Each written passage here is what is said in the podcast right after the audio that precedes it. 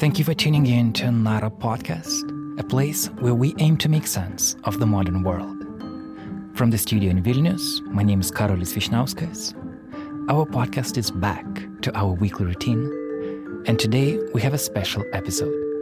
As you can hear, it's in English. It's a partnership between Nara and Contemporary Art Center in Vilnius, and the episode is hosted by our friend and colleague, Eglė Elena Murauskaitė. Enjoy. Welcome to Nara Podcast. My name is Eglė Elena Murauskaitė. I'm the senior scholar at the University of Maryland. Uh, I specialize in international security issues. Uh, you have uh, heard me discuss a variety of geopolitical, uh, broad strategic topics over the years with Nara. Uh, but as you may or may not recall, there's always a very strong uh, social angle to it, and looking at both conflict and human existence from a more complex standpoint. Uh, art, uh, I have found over the years, always gives us uh, a language for exploring issues and conveying our insights from a very different angle and yet very helpful. Uh, for example, uh, over over the past few years, when I've been working on the conflict in Ukraine, uh, one of the projects that I have recently engaged was uh, doing a soundscape installation at the National Lithuania Drama Theater, where we use Ukrainian war sounds to give people a different kind of an immersive experience uh, as to what it's like uh, to be in the war, to feel the war zone, rather than the usual, you know, explosive pictures on TV and, and the military views. So today uh, we have another opportunity to take a broader perspective on uh, both the global security context and also where Lithuania fits into this, uh, together with a Dutch artist, uh, Edwin Zwakman. Uh, so Edwin has been invited here as uh, one uh, one of the artists uh, showcasing his works uh, at the National Gallery of Art. an exhibition is opening on April seventh that is called "The Outsider's Look on Vilnius," and it showcases basically a spectrum of foreign artists' creations made in, for, or about Vilnius, and tempor- in terms of a temporal perspective, it covers uh, three distinct periods uh, one following the World War One, so the early stages of Lithuanian statehood at that time, uh, at the beginning of the 20th century, uh, then moving on after the World War II and through to the Soviet occupation, and then the early independence period up through to the integration into the Western structures like NATO, the European Union. Uh, and uh, that's uh, where Edwin Zwakman's work comes in, covering specifically this latter period period. So Edwin has done his first installation here in uh, 2004 uh, when uh, the Netherlands uh, were taking the presidency of the European Union. So, uh, Edwin, uh, why don't you say hello to listeners and give give us a few short words about yourself and about the work that you do? Yes, hello. I'm uh, very happy to be here. Thank you for the invitation. It's great. Um, yeah, I'm a uh, quite internationally operating artist from the Netherlands. Um, mostly uh, yeah, conceptual works in, in a variety of media, everything from building concrete structures to doing interventions in the streets or right now uh, augmented reality installations. And um, I also lived abroad a lot. I, I studied in Germany, uh, lived in the UK for five years, three years in China, Beijing and Shanghai. And that uh, really uh, changed my perspective on the world uh, uh deeply. It's, uh, it's uh, yeah, it is the best way. Especially living in a non-Western country was a big eye opener. And and every time I, I read the newspapers now or hear the news, I just I mean, I don't really understand or know China, but I, I know what they're saying in the news. No, that's wrong. that's just not the right information. It's it's very everybody should do it. Really, it's the it's the way to get to see uh, a different view. Uh, oh, it's fantastic uh, yeah. to hear you say that. I mean, we could, we could do a separate podcast about China, but uh, I would love to. Yeah, yeah. it's uh, so thinking about uh, you know I'm thinking about the Netherlands, and you immediately mentioned. Um, some uh, street performance and live sort of action installations, you know, Lithuanian listeners will probably be very familiar with the works of uh, Marina Abramovic, who did a lot of this performative work uh, in the Netherlands, specifically with her partner. And it seems like uh, perhaps it's a, it's a skewed perspective, maybe it's uh, generally Western Europe, but it seems like that performative art as such, performance as a genre, has really taken off there uh, way before it did uh, in uh, in Eastern Europe in Vilnius. So do you want to tell us a little bit about the project that you did back in 2004 and like how how it may be compared to your other work, the specific installation? Yeah, yeah, it was a really interesting time then. Of course, um, we were in, invited with a couple of uh, young Dutch artists to do a work for Vilnius. Uh, so we came twice, which was a great luxury. To a couple of weeks to just uh, yeah get to know the city, and then half a year later we were supposed to come up with something meaningful. So it's that's always ridiculous, but it's also a great a great challenge, of course.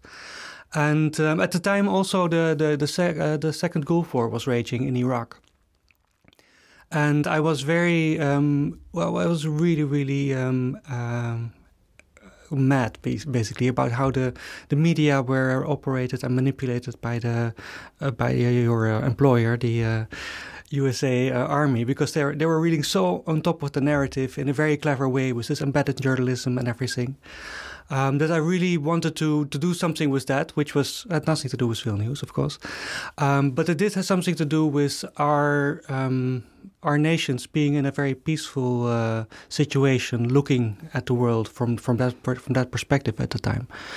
Um, what I did briefly, maybe that's the most concrete way to describe it, was to uh, to uh, to paint several city buses in Vilnius uh, white with UN on it, uh, thus creating the uh, um, yeah, the illusion of a UN operation, a peacekeeping operation in Vilnius, and um, follow these vehicles with uh, with helicopters and cars, um, filming them day and night. And um, so we got kind of a footage that, that really resembled the kind of shaky cameras that we saw then in the Iraq War from the embedded journalists uh, from tanks going through the um, uh, going through the through the the darkness um, there. But now they were going through the city of uh, Vilnius. So to me, it was very much about a mixture of basically the images that we know from the news and your everyday life uh, surroundings. And oddly enough, that's now the link to the exhibition today, because now the the, the work that we made them, all the footage that we shot, the photographs, the films, um, they were they are now in an exhibition about the the city. So the city in the background actually now is the is the main player. It was then kind of a collateral imagery, basically. Um, but of course, it also documented the city very well with the buses going through them uh, the whole time. Yeah, and the city has changed a whole lot. But so, out of curiosity, why why Vilnius? So why not uh, Riga, Tallinn, or Warsaw? Well, that's the thing. Um, that was totally random in a way. Um, you, I, have, I was obsessed with this UN presence um, in the media. And I actually did UN operations in uh, several cities, uh, like uh, Vienna, um, uh, Aachen, that was very good with excavators. Um, and um, every time it, it generates a new story, right? It's it's it's a, the the, it, the the vehicle becomes a symbol, and the symbol becomes a catalyst, which has provokes a new um, uh, reaction in every given situation. It also reflected the impossibility of coming to a city as a Dutch artist having to do something meaningful out of the blue in a city that you don't know at all. But that did remind me of the whole mechanism that we have, as a West uh, Western uh, culture, have been trying to do with the whole world. Uh, we come to places, uh, we create a narrative, we see what we would like to happen, and then we implement it with force or first, of mm-hmm. course, with like uh, with persuasion. Um, uh, but whether it's the and, and the UN is very often instrumental in that. I mean, the, the, the UN in that sense, there's no UN, uh, does not exist really. Um, it's it's uh, it's a mock-up. If you see a peacekeeping operation uh, in the news in a, in a crisis zone, th- these are tanks from from from maybe Austria and, and trucks from Turkey, and they're painted white with UN on them, and it's a kind of a simulacrum basically. and uh, to yeah, it's easy to also do that as an artist. Of course, I'm a painter. I can make a simulacrum. I was uh, creating actually a new narrative so that is very interesting. I, I love how you've put it that uh, the West uh, is sort of enforcing its narrative on spaces it's not super familiar with. And uh, I, I want to pick on this, but just uh, first share a brief observation that uh, Lithuania historically has tended to be a huge champion of uh, foreign policy of the United States and was actually one of the first nations to jump on the bandwagon to support the invasion of Iraq and Afghanistan Afghanistan and uh, has regularly sent uh, special operations troops to support it. So these wars are actually super popular in Lithuania and generally U.S. Uh, foreign policy and this approach. So uh, Lithuania doesn't do a whole ton of peacekeeping itself. So I think uh, that these narratives that you're describing, they're not so familiar looking uh, from the perspective of being the implementer of this enforced narrative. Nevertheless, I feel that the Baltics are usually very familiar with being on the receiving end of this narrative because uh, you know you read an article in Politico or Foreign Policy or The Atlantic and you're like, hey, like they didn't get the local context right or something. So it's uh, it's always I, I mean I love how you know you are bringing this in this other perspective there. And uh, actually, what I want to ask you about is the local attitudes uh, from your exhibition in 2004 uh, so I, I did a little bit of digging and looked at some newspaper articles or reviews of the exhibition because it was not a solo exhibition. It was obviously part of a bigger Dutch package. But uh, specifically in terms of United Nations buses coursing through Vilnius, it seemed that uh, the the spectators were like really perplexed uh, as to what the meaning of this should be. So uh, one of uh, one of the reviewers wrote something like the bus was the good news of Western promises being delivered. I was like, well, that's a spin, like basically a 180 degrees opposite as to what you're trying to show. So, but but again, like it seemed to me that when Lithuania was trying to present itself as a modern country, you know, 2004 is the membership accession year for both NATO and the EU, and they were trying to show that we're part of the West. We're going all the way. You know, the Soviet past is behind. And here you are basically putting portraying Lithuania uh, as a recipient of military aid. So basically, you know, not not someone who would be part of these missions, but kind of saying that you know, you you are the front where the battle is happening. So I think uh, that there's a lot that uh, piqued my curiosity there, and uh, I think it would be really interesting to hear what you remember being social reactions in Lithuania and abroad as well.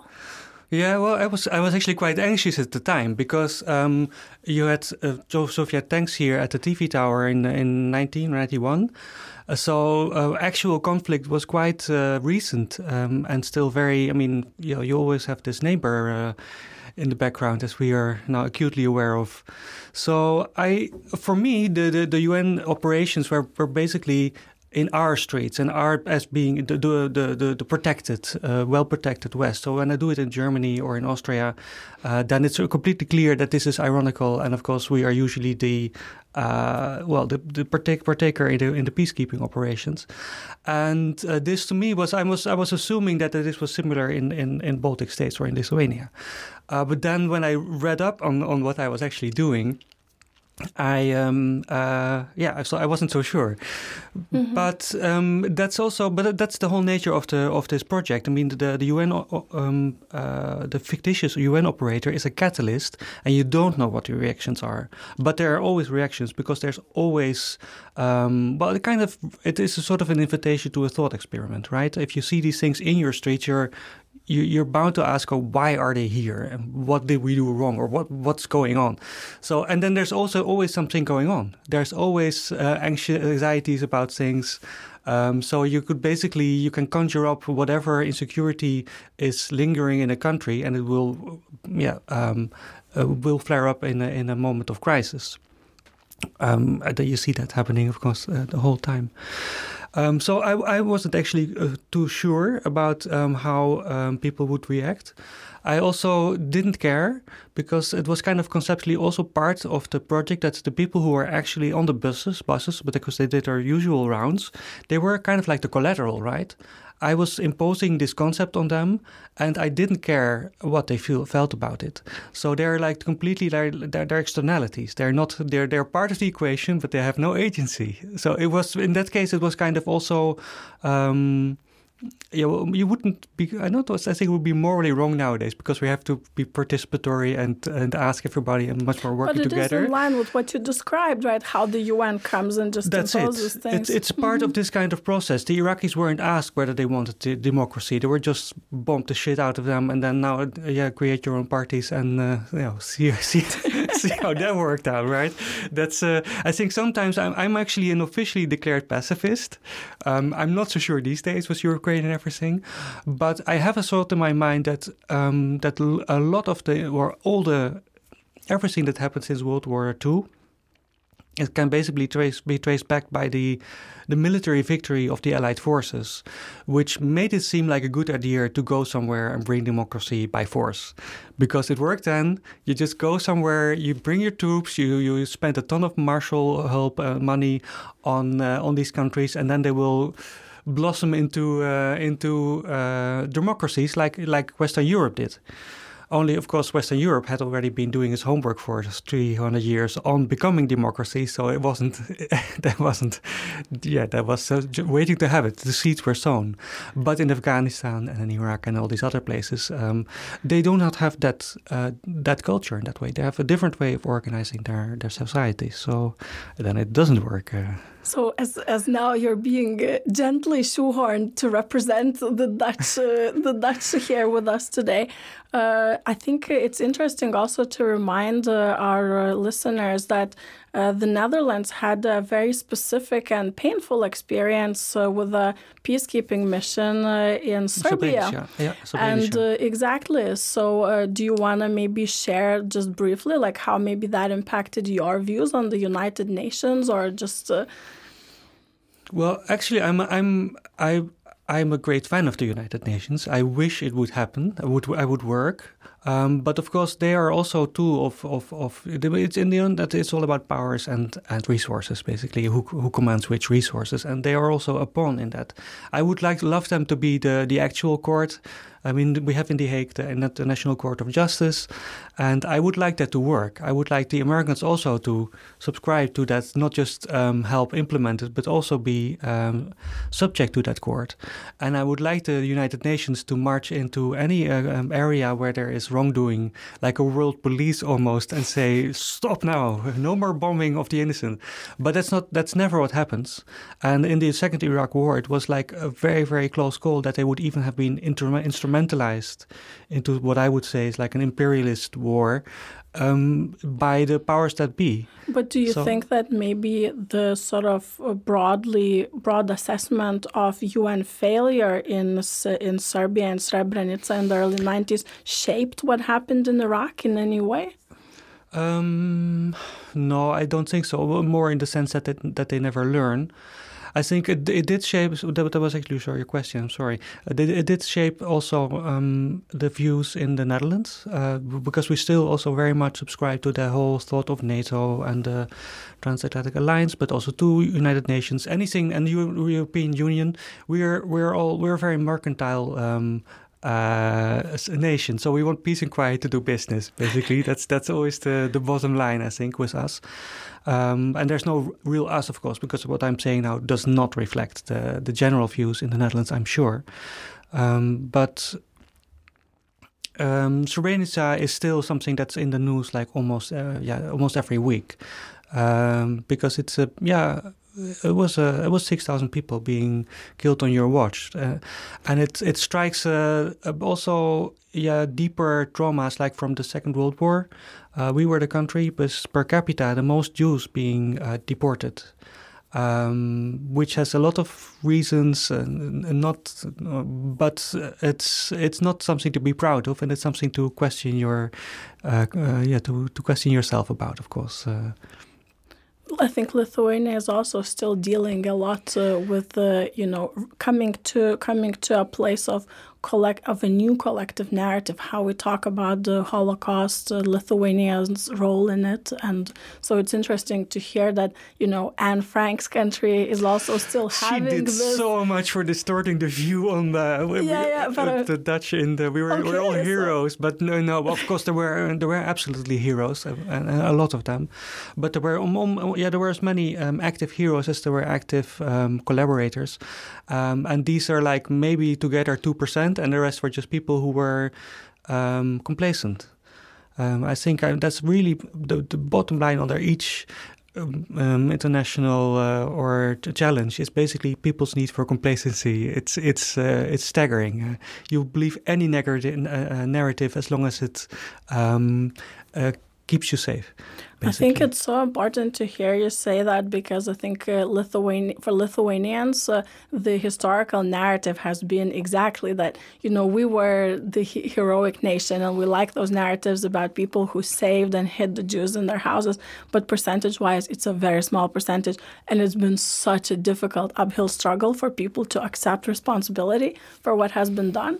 That, yeah, again, like uh, to hear that uh, a Western country such as uh, the Netherlands is still on a similar path, I think it gives us hope and encouragement. Well, well add to that, of, of course, our dealing with our colonial past in various parts of the world, both the transatlantic uh, slave trade uh, to Suriname and uh, Antilles, as well, of course, the yeah the, the 300 year long occupation of uh, Indonesia, where um, we, we, we, had our war genocides there, a lot of them, and in all these places. Uh, it's it seems to be what people do, but it's uh, it's certainly uh, um, a very dark picture, which is uh, which is also demanding to be center stage these days. I mean, it's uh, it's one of the better things, better things actually, that we're really looking into um, these matters from a more uh, diverse perspective. So both socially, of course, where, where we're opening up to all kinds of new perspective. Uh, really, there seems to be a breakthrough in in a lot of yeah, the whole intersectional emancipatory um, spectrum is actually really that's a hopeful thing of these days. I mean, there's a lot of things to be very concerned about, but it's actually beautiful that that's finally seeming to be coming over a tipping point where that becomes the mainstream narrative, um, which is very good, and and of course also the post-colonial view, uh, which which um, it's really weird. We have this the royal family in the Netherlands. They have this golden carriage was given to them by the city of Amsterdam somewhere around the turn of the 19th century. And uh, for years, it paraded around the country. Nobody noticed. And um, it was even exhibited in the center of Amsterdam in t- uh, 2011. Nobody noticed.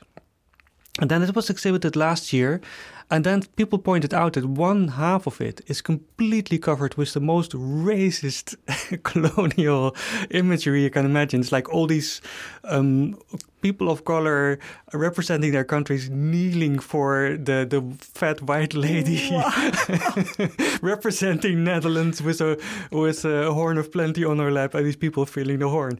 It's it's like it's completely wow. obscene. And but we never thought it was so because we've been I mean I learned at school that, that we did bad things and there was slavery and colonialism and that we did all things wrong. But somehow it didn't register emotionally. Uh, we're still kind of also proud that we were so proud, to, so so rich and powerful, and. Um, and now all of a sudden, uh, the, the, the, the, the, the, the, golden carriage is no longer used. Usually, it was used every year, at least once a year, to uh, uh, on the, the day the parliament is pre- presented with the with the how do you call it the uh, the, the economic plans of the year. That, that's also a, big thing. Like in the exactly the same as in the in the United uh, Kingdom. Basically, was a was a briefcase with all the paperwork and the king doing a speech and everything. Um, but that changed. So no longer the golden carriage. They had another one, fortunately, and it's also really, really garish. It's wow. but it's uh, yeah. You're listening to Nara podcast. Nara is an independent, non-profit media space run by journalists in Vilnius. We work in Lithuanian and English languages, and we need your support. If you like what you're hearing, visit contribee.com slash Nara and join our membership program. Once again, it's contribee.com slash Nara. And now, let's go back to the studio with Eglė Elena Murauskaitė and Edwin Zwakman. You mentioned that uh, sometimes we're so used to certain visual cues or certain narratives. It's like, uh, you know, the neurons that fire together, wire together, and uh, it kind of deepens uh, the paths of habitual thinking and habitual narration uh, about certain things that are really hard to change. Uh, and, you know, you could think of even things, you know, starting from exactly like you said, recognizing recognizing only white men as uh, citizens so worthy of vote and rights to hold property to, I don't know, organization of societies into states. Uh, neither of these things were how things have been done forever, but they have been done like this long enough that people it, it seems like natural and it seems awkward to even challenge that. So it's really interesting that uh, one of the goals that you proclaim with uh, you know your installations the visual reconstructions of reality is exactly to try and uh, you know, poke some holes in it. It's like uh, showing a picture and like something is slightly wrong and you're not quite sure. And it gives you a discomfort and, and sort of makes you think, like, what is it? Uh, you know, it, it, feels familiar, but at the same time, it's not quite it. So, uh, do you want to reflect a little bit on what are some of the narratives that you are trying to challenge? Yeah, well, it's it's this whole mechanism where I try to challenge whatever it is that is challenging you. Um, so basically, I try to uh, uh, to activate your own uh, inner challenger. Basically, I think all my my works, whether they're sets uh, stage photography in the studio or or making um, kindly slightly off. Um, uh, architectural structures in real life. It, it, it's it's always playing with this per, uh, perception thing, challenging uh, the what we see, and it always uses the um, the the mechanism where people we don't people don't look, they they project. That's what our eyes do, literally do. They, they, they pick up very, very little bit of information when we're looking, and the, and the brain constructs the image. From memory. F- from memory. Well, from prejudice, basically. And that's very useful. But the problem is we keep doing that also when we're, we should be reflecting, of course, and we should be challenging maybe what we see. And um, so yeah, this is a this is a very deeply rooted um, uh, tool from from the body, basically, with which we make sense of things. Because otherwise, it would be too lot uh, too much to process. Um, but this is also what happens when we read the news about China. Um, also, the, the journalists, because they do not have that much space to tell their story, they have to kind of reconstruct everything from the bits that we know. Um, so they use the terms like parliament and president and the things that we know, but they mean something completely different in oh, the Chinese yeah. concept. Oh, That's yeah. not the same at all. So the moment you start, so you um, uh, first you conjuring up this narrative basically by, by these images, which you need because you have only a set, set of lines um, to fill uh, you're already starting to completely distort what's actually beneath the narrative. You're already, uh, yeah, you're already shaping a narrative that's that's such a simplification that you might as well not uh, give it because it's actually really wrong. For instance, the way the, the Tiananmen massacre in China was portrayed in the West, it was in 89. It was very much seen in, in the same light as the, um, the developments in Eastern Europe, of course because it was also the Communist Party. It was also, um, yeah, a, a, popular uprising against something. Only that it wasn't at all uh, that. It was um, in in China. It was actually um, people who were in support of a more uh, progressive communist, uh, very popular communist leader um, in the main. Of course, there were it was very, very, very uh, uh, heterogenic uh, uh, crew there on the on the Tiananmen Square. Of course, so there, there was uh, that. There's no um, simple narrative there either. But on the whole, there were a lot of uh, Chinese leaders at the time, among which the, the president. he was very much in favor of the of the students to give them more of a vote, more openness, more more more for say. So and he he became sidetracked after that because the hardliners won. Of course, in the end. So I think uh, this is this is really interesting, and it's a good example. I think uh, m- many of the listeners will not be familiar with this uh, more nuanced interpretation with either of uh, Tiananmen Square events, or I think uh, it's interesting that you bring it up that basically by trying uh, to but trying to make something understandable, you reshape it. Like I myself have been uh, regularly very critical of uh, this uh, soundbite culture in the media and in general trying to uh, flatten the narrative about what is going on. And then, well, of course, you lose the points uh, that uh, form the key message because you flatten it so much. I, I always advocate that, you know, people are capable of understanding things if you take the time to explain them. But I love how how you bring in this extra notion about uh, you know the way you choose to explain them, uh, things uh, that that might reshape uh, narrative as well. Yeah, yeah. I, am very often also astounded by, by people uh, like in the Netherlands. I talk to people they're studying, I don't know, some uh, some kind of uh, African uh, culture in anthropology, and then but they, but they had never been there and they don't speak the language. But it's not necessary because the whole study is about researching sources. But these sources, of course, they, I mean, who challenges those? And they they also come already from a narrative. And if you do that for a couple of centuries, you'll you'll be in a completely yeah world of your own basically. It's not really yeah. connecting. I think uh, it's really interesting also with uh, what's happening in ukraine. I mean you know i could uh, i could sit here all day naming examples but uh, I, I, remember distinctly from my own research uh, so the war in some form like gray zone conflict more of a crisis has been uh, you know raging since 2014 and i remember uh, there was uh, there was this uh, trend of uh, foreigners from Eastern Europe, from from actually all around the world, coming to fight in Ukraine, especially when it was not a violent conflict, uh, like early in the stages, like 2015, maybe 16.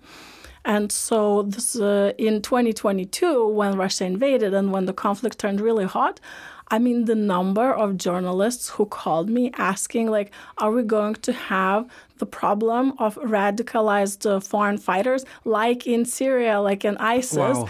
Because, you know, it's the same pattern, right? Foreigners go to fight, they come back radicalized oh my god like where do you begin to explain like what is the difference between isis in syria and ukrainians in ukrainian territory but, but then again but like that's is it that different? Because you do get this also um, extreme right-wing uh, groups going there. Um, we've seen um, a lot of the uh, uh, countries in eastern europe uh, collaborating uh, with the Nazis also already in the uh, Second World War against the Russians, very understandably. You actually also saw it in Ireland, of course, um, so some sympathies for the Nazis, or because they were against the the uh, the, the uh, against England.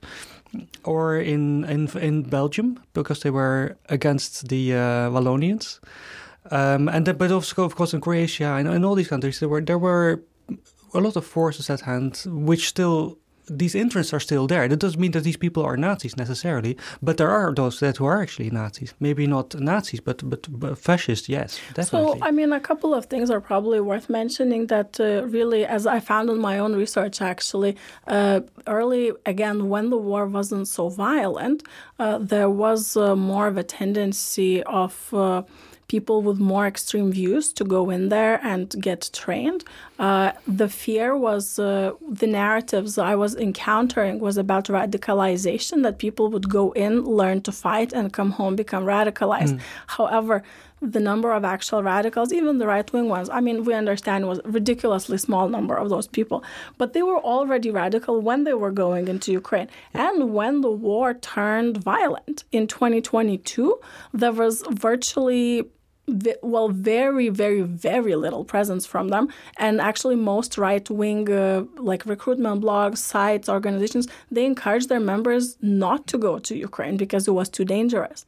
And I mean, uh, well, you know, we I think in Lithuania people are familiar with the, the turnabout phase with the Azov that uh, they did a real good shakeup there. But I think uh, more generally, it is really relevant what you bring up again. Another sort of batch of this uh, narrative, counter narrative that uh, you know in the war in Ukraine uh, Lithuania especially, but the West uh, more in generally are very supportive of Ukraine. Everybody, of course, wants Ukraine to prevail. And then there's this, uh, again, this flattening of the narrative that these are the good guys, you know, we cheer them on.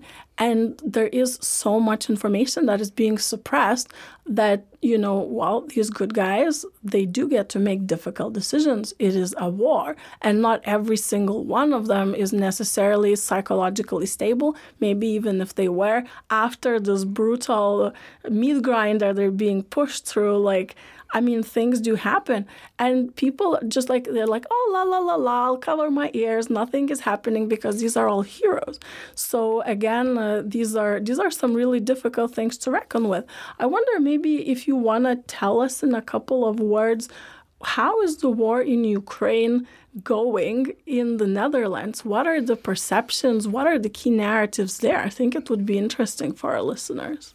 Um, yeah, I would say that there's a 100% support for the Ukrainians. Uh, we're also uh, very um, already much sooner than the journey uh, than the Germans uh, sending weaponry and uh, and aid and everything.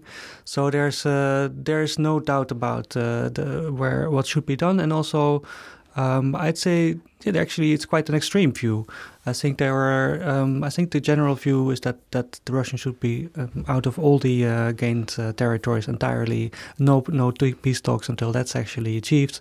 Um, sort of like that. So it's it's definitely because it's weird because the Dutch are on the whole very prone to. Uh, to compromise. They really, really love compromise uh, above anything else, uh, but not in this case. It's very uh, but I think it's actually not just the Netherlands. I think it's it's it's somehow there was like a this this goes too far in the in the whole of uh, in Germany at least as well, uh, right? yes, absolutely in Western Europe as, for sure, but not in China for for instance, or or in India or in Brazil where people are exactly. further away. Um, they do not have the same because uh, this these are these are narratives who go back even way before the, the, the, Second World War, of course. Uh, this is very ingrained in our um, in our national um, uh, identities, I think, and, and and of course here much stronger than than for us. But but I also grew up during the Cold War, and um, and the Second World War never really ended. I mean, it actually ended on the, the, the premise of the, the Yalta conference, which was, of course, an incredibly unfair uh, peace offering of half of Europe being basically uh, delivered to uh, to Stalin. It was really, really the start of a new conflict and uh, yeah, I think that's something that is felt, of course, in the in the whole of Europe, uh, but here much more acutely, of course, I suppose. So it's interesting, also, you know, at the time when we're recording this, uh, the third of April, uh, it's still quite recent news that. Vladimir Putin, Russian president, has been uh, wanted by The Hague, the International Criminal Court. Yeah. Well, at the same time, like an April Fool's joke, on the 1st of April, Russia took uh, the uh, presidency, the rotating presidential chair of the UN Security Council. So, do you want to maybe say a few words about that? Like, how is the Hague indictment? Is it like a popular decision in the Netherlands? Has it affected the mood in any way? I've not discussed it with anyone, so I've only yeah read it in the newspapers, and they're basically uh, people are much more writing about uh, the reactions in other countries. I don't know how it is perceived in the Netherlands, and uh, I'm probably not typically Dutch. Um, I mean, the first reaction, of course, well, that's never going to happen. But but I think it is a strong signal um, and it's actually also really ironically and funny that actually um, uh, Trump is indicted um, in the same week. uh, so maybe there is some justice uh, for uh, against these uh, usurpers that just think they can uh, well, get away with everything. I mean, Who knows? Well, Who knows? If, if you really want to go down that route, then you should be after George W. Bush rather than Trump. But. That is true, but he's so cute. I mean, he's a likable, likable criminal. yeah. Right. So again, the narratives and the visuals, right? Like, oh, maybe you ordered the, the unlawful invasion where thousands of people were dying and, you know, psychologically maimed and Iraq as a country is still recovering. But hey, like you you're really sorry about that. We feel for you. Well, they're not, right? And and and so isn't Blair. They're still standing by because otherwise they would have to basically, uh, yeah, admit to a crime, and which it was. It was a, it was a total scam, the whole thing, and. Uh, yeah, it's and I, I but I know that these debates were already going on at the time. Uh, that people, and it's all about information in the end. Uh, are there uh, MODs uh, or not? or MMDs. What's it again? Mass, weapons of mass. WMDs. WMDs. sorry, yes, weapons of mass destruction. Uh, exactly. Well, there weren't, uh, but we were told there were, that there were. But now that it's obviously clear that everybody knew that there weren't any. Uh, so yeah. But that was just uh, the trigger, of course. They just wanted to be there. That was It's really interesting also that you bring that up because in my recent research about uh, Ukraine and how the United States were signaling about the impending Russian invasion in 2022, that they were sharing intelligence publicly with European allies as well as with Ukraine uh, before, like, Yeah. uh, and uh, you know, warning them. But so many diplomats uh, that I talked to said exactly that. Well, wait a minute, we've seen, uh, you know, the sharing of American intelligence. Is it a really genuine Oh, offer? yeah. So it really tarnished U.S. efforts to sort of uh, garner a coalition against Russia. In this case, it came back to bite them in the behind.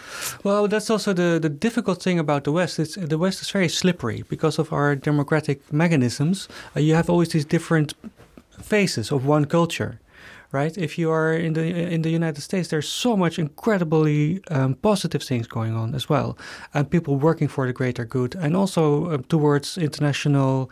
Uh, uh, policies, geopolitical issues. I mean, we can be really. We I'm still happy with Pax Americana, right? It's uh, with all, for all the uh, for all the the criticism you could have against that as well, and uh, and but that's sometimes very very different. Uh, one of my key um, uh, f- um, experiences in China was when I was at the Tiananmen on the 20th anniversary of the Tiananmen massacre. Was a, a Chinese uh, uh, woman who was uh, my assistant then, and she was like hardly born at the time. And I asked her about what went down there, how she thought about what she thought about that, and she said, "Well, I would I don't like to be quizzed on an exam that we didn't pass." And I said, girl, you, you weren't even born yet. Why do you take responsibility for that? But that's how it works. In the, that's not uh, uh, um, in a way that Chi- China is not it is not a dictatorship. It's it's a collectivist country, and people subscribe to all the uh, everything that goes on in their society as being part of them, and we don't do that. I I I reap the benefits of the riches of the West, everything that's brought in here by all the colonial or imperialists or all the structures that are still basically in, in, in place, sucking the world dry its resources, heaping it up in this little part of the world where I happen to live. Um, but I can say I'm not responsible for that because I, I vote for the Greens. I'm a pacifist. I'm against colonialism, and I can say that freely without going to jail, and have this opinion. But in the end of the day, uh, I'm part of it, very much so. I, I have an iPhone and a, and a, and a, and a, and a, Mac laptop. These resources come from places and from from structures that are are near slavery conditions. Um, if they wouldn't be, I would never be able to afford them. So I'm totally part of that system. And uh, I think that's sometimes, yeah, that's a very complicated matter in our society. You want this ambiguity, you want to, to be open and criticize, but you, because, but I think if you're in the receiving end of Western aggression, you don't care too much about that, right? And that's sometimes a per- perspective that I bring with me when I look at a, a, Russian perspective, a Chinese perspective. I mean, of course, I don't want the Uyghurs to be into labor camps, and I don't want Taiwan to be taken or all that shit. But still, um, if I turn back the, the, the perspective and look from their side, I should really also not think that we are the good guys, because we are robbing the world blind of its resources. We are responsible for, for the biggest carbon pro- uh, footprint in the history of mankind and all that. And um, that's all us. That's not just the, the, the, bad companies in our society or the, the wrong parties or George Bush or anybody. Um, that's us. We should really take more um, ownership of the responsibilities that comes with living in even a democracy because it's it's it's really um, it's it's problematic that uh, the, the, good thing, which is the, the the diversity in our society, also can be the bad thing, where we just present the face that is convenient, and and live with basically a very hip hypocritical uh, condition uh, as a as a yeah as a as a group. So we should maybe have more, a little bit more of that collectivist um, perspective on ourselves and our society um, than we are used to, which is very uncomfortable for us because we want to be individualist and be critical of things. I but think uh, I think yeah. yeah. that's a very beautiful perspective to bring sort of as we're concluding this conversation. Again, uh, I find uh, both myself and just the general tendency that it's so comfortable when you can paint the world in black and white. These are the good guys, these are the bad guys. It is so difficult to balance the gray space of ambiguity, including internally, to keep making the choices, to keep asking the questions, to keep really looking to see rather than to reconstruct from memory. So, do you want to maybe say for as a conclusion to our conversation, something, uh, some last uh, thoughts about uh, the exhibition and your art and this invitation to a more responsible balancing act that you are trying to invite us into? Well, I haven't seen the exhibition yet, so I'm very curious about it. I, I think it's a beautiful idea to see yourself as a as a city through the ages, through the eyes of others. Um, I think that's a really good start in changing your perspective, of course. Um, so in that, actually, in a more yeah, in a more peaceful, less uh, political way, uh, I think this is a very uh, uh, good exhibition. It's something that we should do the whole time because seeing yourself in your completeness also is just it's challenging but it's also just so rewarding and life becomes about something. And because otherwise we still we will have to wake up to to bad skeletons in the in the closet every time um, we look back at the crisis. We we should really address these the ambiguity in the moment and not wait for um, um, a hundred years after the war or the crimes are per per per perpetrated. We can prevent them and be just as as as rich and uh, powerful or whatever you want to be, um, probably without these crimes. We don't we don't need them, but uh, for that it, it, it takes a critical eye and to look into into detail to see the ambiguity, see the the layeredness of every situation, and see both sides of each issue. Even if it seems completely one-sided and completely black and white, it never is. Thank you. I think uh, really it reminds us all that basically behind our greatest fears and darkest shadows, there's always the biggest reward. That's where you have to go. The only way the only way is through basically so uh, thank you thank you to thank you to Edwin Zwakman for talking uh, to us today and uh, again we invite the listeners to uh, both reflect on the multitude of rich issues that we have raised here today and uh, consider taking them in through an artistic perspective at the exhibition at the National Gallery of Art uh, in Vilnius that opens on April 7th. This was a NARA podcast, Eglė Elena Murauskaitė and Edwin Zwakman. Thank you. My pleasure.